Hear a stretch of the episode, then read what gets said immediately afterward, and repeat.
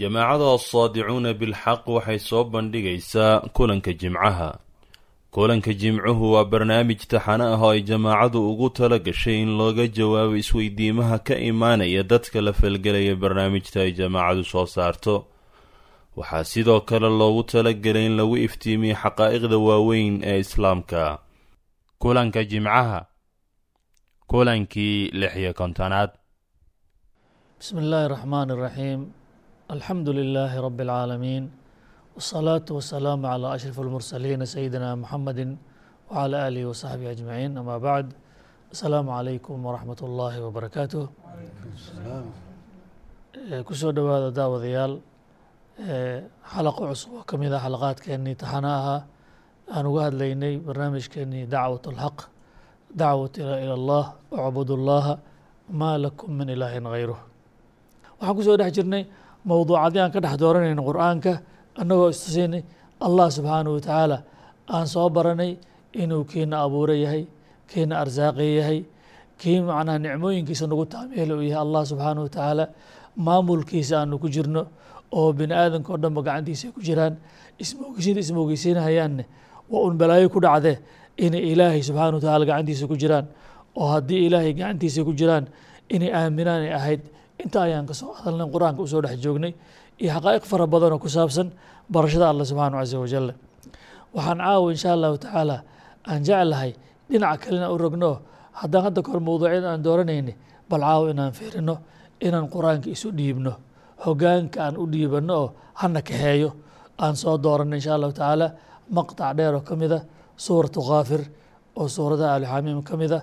Ayaan jecelna insha allahu tacaala bal caawa inaan aragno iyadoo meesha ayna geyso aan isu tusaaleyno qur'aanka oo dhanba inuu noo jiidahayo xaqiiqada iyada. Nooguna yeerahayo khaflada aanu ku jirno.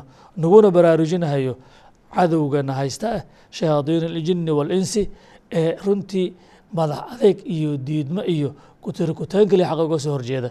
Taana natiijadeeda ay tahay halaag iyo lacnad iyo khasaare adduuniya mid aakhir ay tahay macnaha. Insha allahu tacaala yaanan ku dheeraanin hordhaca insha allah walaalahay baa naga dharjin doona. Aadna noogu faahfaahin doona qadiyadaas iyada caawa waxaan jecel lahay bisuuratu kaafir oo runtii suuradda cajiibka ee cadiimka ah. Inaan ma arkaysaa bal xaqaa'iqda noo sheegeyso inaan allahn subxaanahu caza wajal ayna barto. Wuxuu naga mudan yahay aan agaranno waajibaabka noo yaalla mataqaanaa. Aanu ka faa'idaysano aan jecelahay insha allah doctor cabdiraxmaan inuu noo furo. Falyatafadal mashkuuran بسم الله الرحمن الرحيم الحمد لله رب العالمين وصلى الله على سيدنا محمد وعلى آله وصحبه وسلم أجمعين allah subxaanahu wa tacaalaa waxa uu nagu barayaa suuraddani aayadaha ugu horeeya oo suuradda uu ku bilaabayo bismi illaahi اraxmaan اraxiim xamiim tanziilu اlkitaabi min allahi اlcaziizi اlcaliim غافر الذنب وقابل التوب شديد العقاب ذي الطول لا إله إلا هو إليه المصير kitaabkan qur-aanka suuraddan ay ka mid tahay allah subxaanahu wa tacaala aayadda waxau noogu barayaa soo dejintaankiisa iyo soo degiddiisu inay alla xaggiisa ka ahaatay. Allahaasoo casiis oo qaalib ah oo casiiz ah. Min allaahi alcasiizi alcaliim. Caliim ahoo kitaabkan uu soo dejinayo dadka u soo dejinayo caliim ku ah. Waxay u baahan yihiin caliim ku ah. Waxa dhibaya caliim ku ah. Waxa adduunka anfacaya oo maslaxo u ah caliim ku ah. Waxa aakhara dhibahaya caliim ku ah.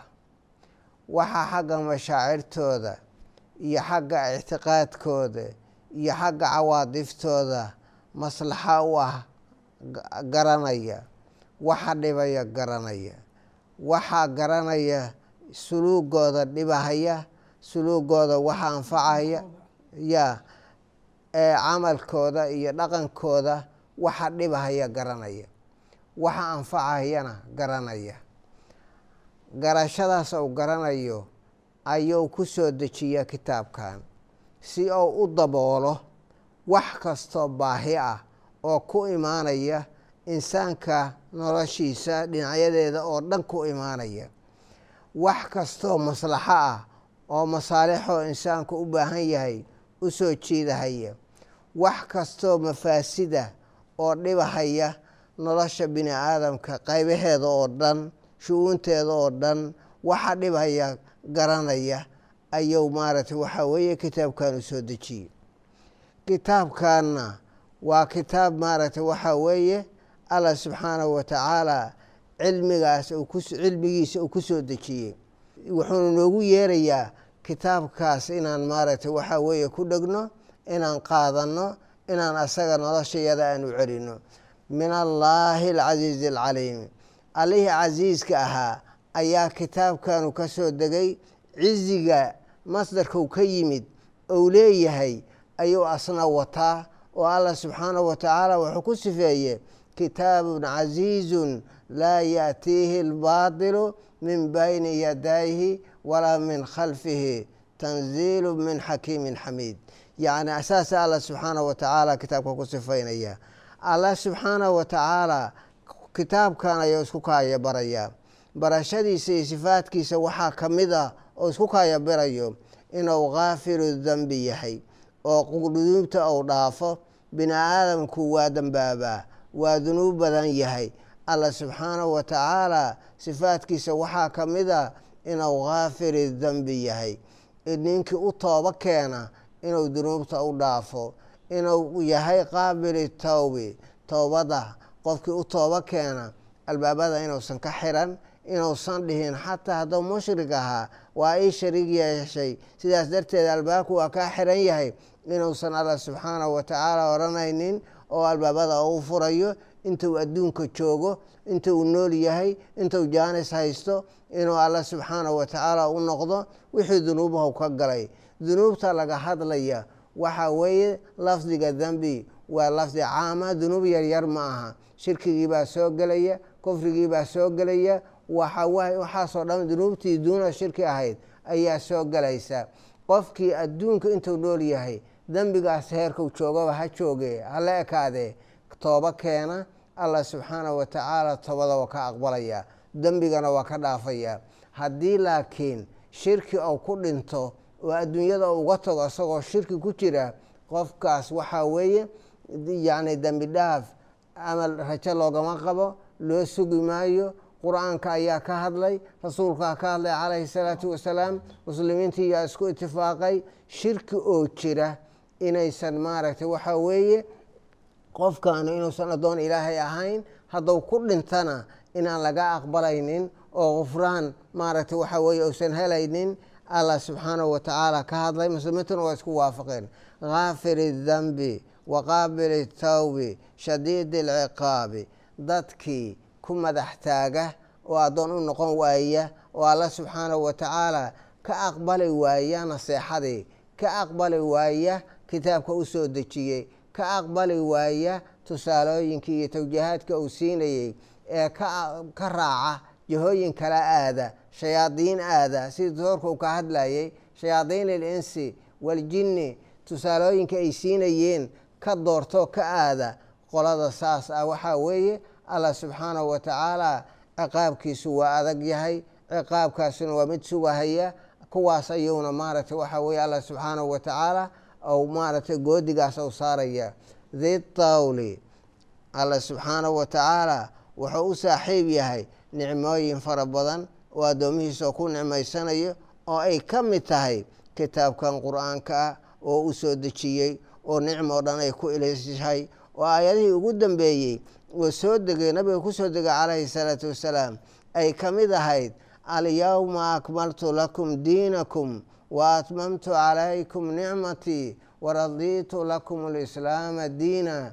Allah subxaanahu wa tacaala yidhi kitaabkan yacni nicmo allah subxaanahu wa tacaala hadiya oo xaggiisa ka timid weeye oo nicmadii ugu weyneed oo addoomihiisa uu siin lahaa. Waana u taam yeelay waa u kala dhigdhigay waa u fasliyey aayaadkiisi waa sugay kitaabkan saasa uu yahay. Allah subxaanahu wa kitaabkaasna wuxuu leeyahay waa manhaj aan idiin soo dejiyey. Waxaa weeye waa shareecadaydii waa sharcigeygii laay rabay in la iisoo raaco in laygu addoon noqdo laygu caabudo asaga. Laa ilaaha ilaa huwa ilaahi lmasiir ayaa alla leeyahay subxaanahu wa tacaala. Ilaah la caabudoon alla ahayn ma jiro uu leeyahay allah subxaanahu wa tacaala cibaadadaasna waxay ku imaanaysaa in kitaabkan la raaco tusaalooyinkiisa la qaato tawjiihaadkiisa la qaato. Wax allaalay wixii awaamirtii ku timid kitaabkan ku timid in la qaato ma stadacnaa daalika sabiilan inaan qaadano oo aan fulino ayaa maaragtay waxaa weeye cibaadada alla ku imaanaysaa. Wax allaalay wuxuu naga reebay inaan ka harnana oo aan ka fogaanana ayaa cibaadada alla ku imaanaysaa labadaa haddii la waayo yacni waxaa weeye cibaada ma jirayso. Bismi illahi raxmaan raxiim aayadahaas uu doctoorku soo akhriyay haddii aan raaciyo aayadaha ku xiga.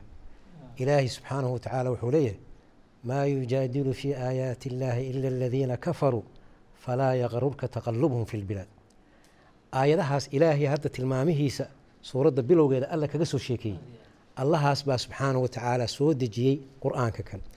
Haddaba cidda keliya oo aayadahaas iska cadcad oo waadixaadka ah oo qoraxda oo barqadii halkaa maraysa ka sii caddaan badan cidda diiday ama muran ka keenta ama aan ogolayn waxaa weeye waa un qof gaaloobay wey. Waa qof aan xaqa rabin wey. Waa qof xaqa diidan wey.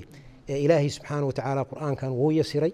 Asagaa yidhi ilaahay subxana wa tacaala walaqad yasarna alqur'aana lidikri fahal min mudakir ilaahay lafdigiisuu sahlay macnihiisuu sahlay xaqaa'iqda qur'aanku ka hadlaya alla fududeeyo dadka caquushoodu waxay fahmi karaan oo garan karaan buu ilaahay ka dhigay subxana wa tacaala. Aayaddan ilahay wuxuu nooga sheegayaa aayadahaas ilaahay iska cad oo waadixa cidda keliya oo diidani oo muranka ka keenta. Muranka ay ka keenayaan waa maxay? Waxay rabaan xaqiyo iska cad inay baatil ku sheegaan. Waxay rabaan dadka xaqa wata oo ahlu xaqa inay yidhaahdaan xaq ma wataane waxaa weeye baatil bay wataan waxay u diidayaan dadkii inay fahmaan oo caqligoodii ay ku gartaan oo aayadaha ilaahay ay fahmaan ayay ka maran habaabinayaan oo waxaa weeye waddo kale oo shaydaankii iyo shayaadiin insi ay u fareen taasay rabaan inay dadkii marsiiyaan. Dadkaas gaalada ah keliya unbaa maaragtay xaqan raba inay ka hor yimaadaan oo diidaan. Ilaahayna subxaana wa tacaala wuu noo sheegayoo waxaa weye dad badan ma ahan inaan xaq u caddayn maaha laakiin xaqayna rabin ilaahay subxana wa tacaala oo aysan ogolayn ilaahay wuxuu yidhi subxaana wa tacaala aakhira marka la taga isagoo nooga sheekaynaya markay naartii tagaan bay waxay leeyihiin wanaadow yaa maaliku liyaqdi calaynaa rabuk qaala inakum maakithuun laqad ji'naakum bilxaqi walaakina akharakum lilxaqi kaarihuun ilahay subxana wa tacala macnaha maalik oo ah khaazinu naar oo ah malaa'igta ilahay naarta u xisaartay ba waxay leeyihiin rabbigaa noo baryo bal cadaabka yaraa naga khafiifiyo. Marka ilaahay subxana wa tacala waa lala hadlaya waxaa leeyahy xaqii baa idin yimid laakiin xaqii baa diiday idinkaan xaqii rabin baa leeyahy nabigeennana sidoo kale salawaatu ullahi wasalaamu calayh ayagoo raba inay duraan waxay yidhahdeen suurat muminuun aayadahi ilahay tilmaamaha ay nebiga ku soo sheegayeen am yaquuluuna bihi janna jinna? Ma waxay yidhaahdeen mawaali baa ku sugnaatay yidhahdeen ilaahay subxaana wa tacaala waa loo jawaab waxaa layidhi am yaquuluuna bihi jinna bal jaa'ahum bilxaqi wa akharahum lilxaqi kaarihun. Macnaha nebigu ma waala mana wareersane eh xaq buu idinla yimid iska dhaaf ba inuu tilmaamaas qabee laakiin idinkaan xaqii rabin. Marka sideedaba dadkan oo xaqa diidani. Ma ahan inuusan xaq u caddayn ma ahan inuusan xaqa waadic ahayn. Allihii sida walaal uu soo sheegay dadka maslaxadooda yaqaanay dantooda yaqaanay waxa u dana yaqaanay baa soo dejiyey. Haddana dadka abuurtay oo yaqaanay. Ilaahay marka aayadda dhammaadkeeda wuxuu yidhi falaa yaqrurka taqalubhum fi lbilaad marka nabigeena salawatullah sal dadka muminiinta waxaa la leeyahay dadkaa gaalada ah oo aan xaqa rabin oo xaqa diidan. Haddaad aragtaan ayagoo dhulka ilaahay ku ladan ku barwaaqaysan ku gadgadoomaya ha u qaadanina idinka kownkan oo dhan baa u hogaansan xaqii bay raacsan yihiin. Haddaba waxaa la leeyahay socsocodkoodaas iyo faajafaajahaas waa in yar weeye iyaysan ku kadsoomin. Mu'minka kownkan oo dhan baa la jira rususha ilaahay kownkan oo dhan baa taageersan. Marka dadka inay wax yihiin xaqiiqatan waa saas wey inay wax yihiin hamoodinina waxa waxaa ah qofka xaqa wata ah wax ah. Maxaa yeelay kownkan oo dhan baaba garab taagan oo ilaahay u hogaansan oo ilaahay adeecsan. Marka mu'miniinta iyo rusushana kownkaasay qeyb ka yihiin dadkaa gaalada unbaa diidan aad iyo aad sheekh yani weliba aayadda hadda sidaa yani haddaan suuraddu hana hogaamiso aan dhaha wataan dhahna mogta idaan hogaaminayse marka ilaahay macaankiisa iyo wanaagga uu galaan aragnayba dhinaca kale safxada kale foolxumadan loo tilmaamay. Khayrkaa waxaa diiday inay u gaaloobay maarta oo muranka la soo taagan. Sida hadda maanta xaq kastoo la sheego dad in muran la soo taagan yihiin. Maxay la murmayaan? De kalaamka ilaahi waa caddi haye waxaa haysta waa maxay? Annahum kafaruu inay gaaloobeen oo isxijaabeen qalbigooda xumaa wanaag ka xirteen macnaha. Subxaana allah aayadahaas bismi illaahi raxmaan iraxiim runtii suuradda ay walaalahay soo akhriyeen. Aayadaha ku sii xiga alla wuxuu leeyahy subxaanahu wa tacaala kadabat qablahum qowmu nuuxin walaxzaabu min bacdihim wahamad kulu ummati birasuulihim liya'khuduuhu wajaadaluu bilbaatili liyudxiduu bihi اlxaq faakhadtuhum fakayfa kaana ciqaab alle subxaanahu wa tacaala xaqaa iska cadcad oo hadda hore looga soo sheegay mar kastaba qolaa diidi jirtay beeni jirtay alle wuxuuna leeyahay aayaddan wuxuu nagu leeyahay laga soo bilaabo nebi nuux qoomkiisii iyo ummadihii ka dambeeyey oo alla ku magacaabay alaxzaab inay ahaayeen xisbiyo isu soo bahaysto baatilka isu soo bahaystay isgaashaanbuuraysatay ayaa xaqan weligood diidi jiray. Waxa ay markaa xaqaa u diidayaanne waxa weeye liyudxiduu bihi lxaqa. Xaqaasaa waxay rabaan inay sambiriraxiyaan oo ay dadka ka leexiyaan oo wanaagga iyo macaanka iska cad ay rabaan wajaadaluu bilbaatili inay ku doodaan waxyaalo baatil ah oo sal iyo raad aanan lahayn oo kutirakuteen ah ayay rabaan inay xaqi uga hortagaan waa ogyihiin ayaga laftikooda alle wuxuu yihi wajaxaduu biha wastayqanatha anfusuhum dulman waculuwan ayagoo og xaqi ayaa sideedaba waxaa jirta markasta dadka madaxda ah iyo dadka danaha gaarka ah leh oo ku amarku taagleeya ummadaha oo masaalix ku qaba ma ogolo xaq soorka oo wixii xuquuqdooda ahay bes inay ku gaabsamaano ummadda dhan ay xuquuqdooda wada hesha ma rabaan. Dood marka alle siduu ku magacaabay waxay gelayaan wajaadaluu bilbaatili inay ku doodaan wax aan jirin oo baatil ah ayagoo raba inay xaqa ka simbirixiyaan. Laakiin alle intaa wuxuu ku daray doodoodii markay wax keeni wayso oo xaqaan ilan iska cad wax looga hor yimaada ma lehe ay xujo waayaan oo dagaalka hore oo ay ku furaan oo dicaayadda iyo brobagandada iyo in xaqii wax fool xun laga dhigo oan la qaado karin markii taa u soco wayso marka dambe wahamad kulu ummatin birasuulihim. In xataa rusushii la yidhaahda hala laayo hala dilo hala tacdiibiyo ayaa weligeed dhici jirtay. Intaasoo dhan maxay ku dhacdaa? Sideeda waxay ku dhacaysaa waxa waaya dad kasta oo xaq wata markay yimaadaan xaqaas dadowsan u cunumin ayaa jira oo dana khaasa leh. Kuwaa waa kuwa ka hor imaanaya. Hadday haddaad fiiriso hadda allah subxaanahu watacaala qoomi nuuxuu ka soo bilaabay iyo wixii ka dambeeyey oo axzaab uu ku magacaabo fircown iyo huud iyo reer huud iyo reer caad iyo reer nabi huud qoomkiisii reer caad iyo reer thamuud iyo wixii ka dambeeyey ay ugu horeeyaan waxaad ogaataan ummad kasta oo ummadahaas ka mid ah markii hore asalkeedii ummad nebi uu u yimiday oo diin haysatay ayay ahayd. Kulamaa marka waktiga uu la dheeraado diintii bay ka tagaan. Nebi kale markii loo soo diro xaqaa'iqdii dib u cusboonaysiiyo weeye waxay diidayaan wixii ay hidahooda iyo dhaqankooda ahaa oo ay barteen ay rabaan inay ku dheganaadaan. Halkaasay ka dhici jirtay. Haddee aayadahaas hadda maxuu alla nooga qisoonaya annaga maanta joogno. Waxa weeye sida hadda rasuulkii salawaatu ullahi wasalam ale nabi moxamed baa ugu dambeeyey nabi afar iyo toban qarni a laga jooga maanta waxaa xaqiiqo ah sida aayadahaas ay sheegayeen qof kasta oo xaqi dadkii ugu yeero oo wixii ka khaldamay yidhaahda war waxaas baa idinka khaldamay. Warse diintii nebi moxamed iyo asxaabtiisii iyo salafi hadihi اlumma intii islaamka dadka ku toosnaayeen siday u haysan jireen aan u haysanno oo aan ugu dhaqanno oo weligood kitaabka ilaahay isku xukumi jireen ee shareicadaha islaamka isku xukumi jireen qarnadihii dambaa gaalo intay noo timid inaga tuureen bay sharciyo kale iyo qawaaniin kale iyo dastooro kale noo dejiyeene aan ka leexanno oo islaamkayna iyo diintayna siday u ahayd aan u qabsanno waad ogtihiin maanta in laiskugu habarwacanaya boqol magac loo bixinaya dicaayad lagu furaya iyo maaragtay wax kasta oo baatil wajaadilu bilbaatili m- sifo kasta oo ugu xun lagu dhejinaya oo ummadda inay ku baraarugto xaqaas ay wadaan loo diid loo diidaya. Caalamka dhan waad ogtihiin eh, xarakaad islaamiya ama dad islaamkii aan ku noqona dhahaya ayaa soo baxay. Mar alle markii gaalo ay adduunka inta qabsatay u talisay manahaj kale ay u dejisatay. Qof kastoo ilaahay kitaabkiisa aan isku xukunna yidhaahdo shareecada islaamka aan dabaqna yidhaahdo war ilaa diintayni siday u ahayd muslimiintii hore say ugu dhaqmi jireen aan aan- aan aan u qaadana yidhaahdo maanta waad ogtihiin caalamka dhan inuu isu tegaya oo lala dagaalamayo. Oy ugu horeeyaan kuwa la dagaalamaya kuwa islaamka sheeganaya kuwa islaamka sheeganaya aayaddan marka sida ilaahay si kooban uu nagu yidhi kadabad qablahum qowmu nuuxin wاlأxzaabu min bacdihim wahamat kulu ummati birasuulihim liyaakhuduuhu wajaadaluu bilbaadil liyudxiduu bilxaqa tii unbaa taal weligeed axzaabtii doodi jirtay oo xaqa ka hor ismaa jirtaa maantana taagan laakiin alla muxuu aayadda ku khatimay? Fa akhadtuhum fakayfa kaana ciqaaba.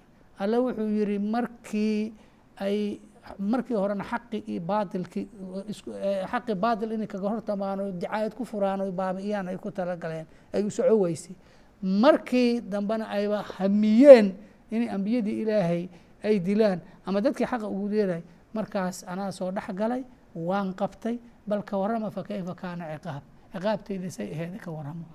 Xaqiiqatan waxa weeye waxaa la rabaa marka maanta. Aayadda aan ka qaadanayna xikmadeeda waxa waaye dadka xaqa ku taagan oo dadka xaqa ugu yeeraya oo ilaahay kitaabkiisa aan isku xukunno war shareecada islaamka aan qaadanno war baadilkaana loo dhoodhoobay aan ka tagna dadka dhahaya oo lala wada dagaalamayo dhinac kastaba laiskugu habar wacday. Waxaa loo sheegayaa xaqooda inay ku sugnaadaan alla ayaa soo dhexgalaya allah gaalada qabanaya alla ayaa maaragtay kuwa eh, maxaan ku ihahda ciqaabtiisa marinaye inaysan marne u jixin jixin oo aysan cabsan oo xaqaas sida ay u sheegayaan ay ugu taagnaadaan ilaa ilaahay ay kala kulmaan. Qadiyada taalla waa taa. Waxaan ku dari lahaa doctor cuthmaan aayadihii ugu dambeeyey uu soo akhriyey Eh, runtii waa aayada macnaha cabsi badan leh sababta oo ilaahay subxaana wa tacaala wuxuu leeyahay isagoo macnahaas tilmaamaya akufaarukum khayru min ulaa'ikum am lakum baraa'atun fi zubur kuwaas ilaahay uu soo halaagay oo nuux iyo mataqaanaa laga soo bilaabo qoomkiisii ilaa axsaabti ilaahay subxaana wa tacaala uu noo sheegay meesha masiirkooda ugu dambeeyey. Ilaahay macnaha wuu baabiyey waa damiray. Intii muuminiinta in ilahay waa bad- waa badbaadiyey. Sunnada ilahay say ku dareersatay marka kuwan hadda rasuulka calayhi salatu slam loo soo diray oo quraysh ugu horeyso ilaahay wuxuu leeyahay mataqaanaa ma idinka mayaad gaaladii hore maad ka khayr badantihin mase macnaha baraa ayaa macnaha kutubta ilahay suxufta ilahay idinkugu sugnaato? Idinka inuusan cadaab cadaabkaas idin taabanayn marka runtii yani kamana khayr badna macnaha baraa'ana macnaha waxaa fasuxu ilam oguma taalo. Marka waxaa waxay khatar u yihiin halis wixii ummadii ku dhacay inay ku dhacaan inkastoo sunnada yani macnaha ummad ummatu muxamed ilahay ugu gargaaray cadaab isti'saal cadaab oo macnaha maaragtay macnaha jirid macnaha tirida inaan macnaha waxaa ilahay ku keen laakiin cadaab kaloo badan waxaa jiro oo aad iyo aad macnaha maarata u dhib badan oo u xanuun badan. Marka ilahay isagoo macnaha sii tilmaamay wuxuu leeyahy wakadalika xaqat kalimatu rabbika cala aladiina kafaruu annahum asxaabu nnaar sidaas kuwa macnaha maarata ilaahay u soo halaagay oo macnaha wakadalik yani macnaha ismu ishaara wuxuu tilmaamaya qowmu nuux iyo axsaabtii ka dambeysay natiijadood maxay ahayd? Ilahay subxana wa tacala inuu halaagay. Wakadalika xaqat kalimatu rabbik. Kelimada macnaha rabbigaad ayaa xaq noqotayo wajabat cala aladiina kafaruu. Oo maxay tahay? In macnaha ilahay uu halaagayo mataqaana annahum asxaabu nnaar marka yani xaqiiqadaas oo macnaha qur'aaniga ummaddii baa yani macnaha ummad kastoo diinta ilaahay ka xarig furatay way u taallaa. Marka insaanka hadduu macnaha maarata yani moodayo in uu macnaha ilaahay subxaana wa tacaala uu ka baxsanayo mataqaana ciqaabkiisa lagama yaabo. Adduunkaa ilaahay ku ciqaabayaa haddii ciqaab oo macnaha istisaal aan lagu samaynin ciqaab oo macnaha waxaa weye dulli ah oo dulli ah oo macnaha khizyi ah ayaa ilaahay subxaana wa tacaala ku abaalmarinayaayo.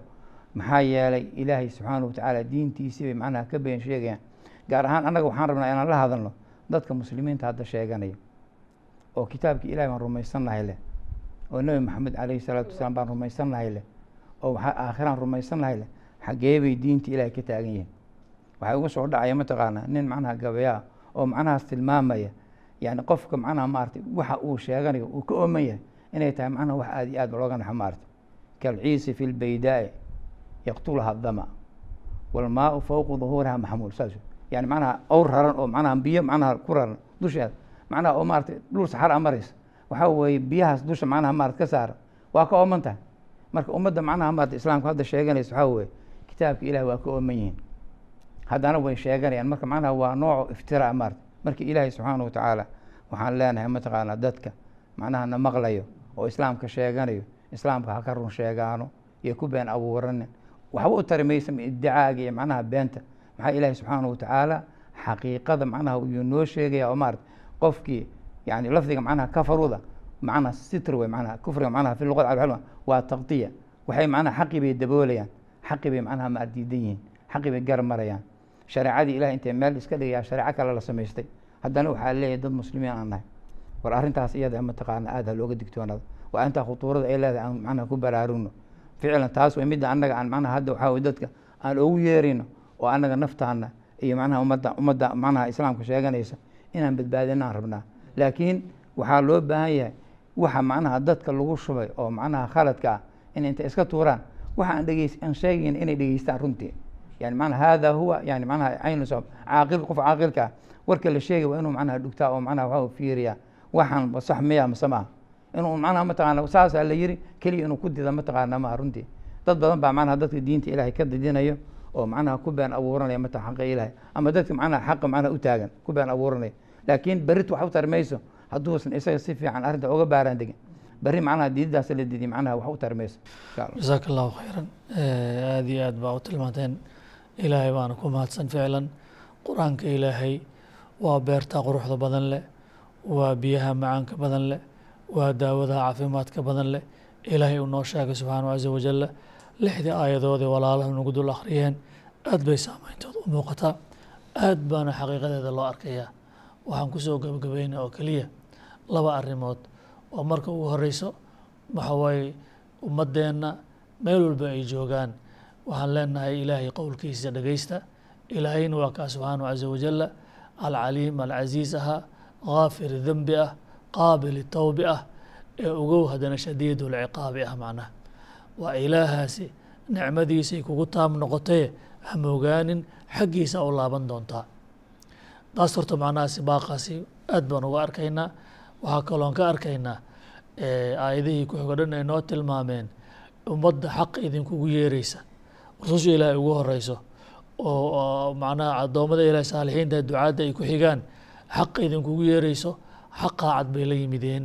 Xaqaana waxaa ka doodo ka murma kuwa kaafiriinta ee dhaalimiinta qalbigooda ilaahay ka xijaabay subxaana wa tacaala iyaguna meel tegi maayaan haddii hadday maanta baabuur haystaan teknoloji haystaan diyaarado haystaan mayl ay leeyihiin ay nabad ku naaloonayaan waa dhalanteed waxba ma aha ilahi wuxuuna leeyay subxana wa tacaala falaa yaqrurka taqalubuhum fi lbilaad waxay ku jiraanne wax cusub moo horaa loo soo arkay min qowmi nuux ka bilow ilaa nabigeenu ka sal ly slm baa la soo arkayo haddii kuwaasi meeshay mareen bay iyaguna marayaan kuwa maanta xaqa diidanna idinkuna meeshaasaad maraysaan wax kaloo idin yeela ma laha walidaalika ducaadana waxaa laga doonayaa inay ilaahooda ku kalsoonaadaan oo diintooda ku kalsoonaadaan oo dariiqa xaqiina haystaan ay aaminsanaadaan maxaa yeelay macahum allah alcasiiz alcaliim gaafir الdhanbi waqaabil الtawbi shadiid alciqaab waxaa ka soo horjeedana waa kuwa gaaloobay oo marin habowsan dhabacad aan dhabaan aan haysanin oo aad iyo aad u hadlaysan ummadaha maanta caalamka islaamka ka talin jira ku noolne haddii cadaabkii u jira waxaa ku filan in iyagoo ladan kuwa cayrahoo xubeero ahoo yurub ka yimid oo gaalo ahoo oo baahida haysa darteed noo soo aaday inay ilmo ka ka dhigtaan maxaa hogaamiyaal ka dhigteen oo ay cudurkooda u soo dhaafiyaan xoolahoodan ay dhacaan.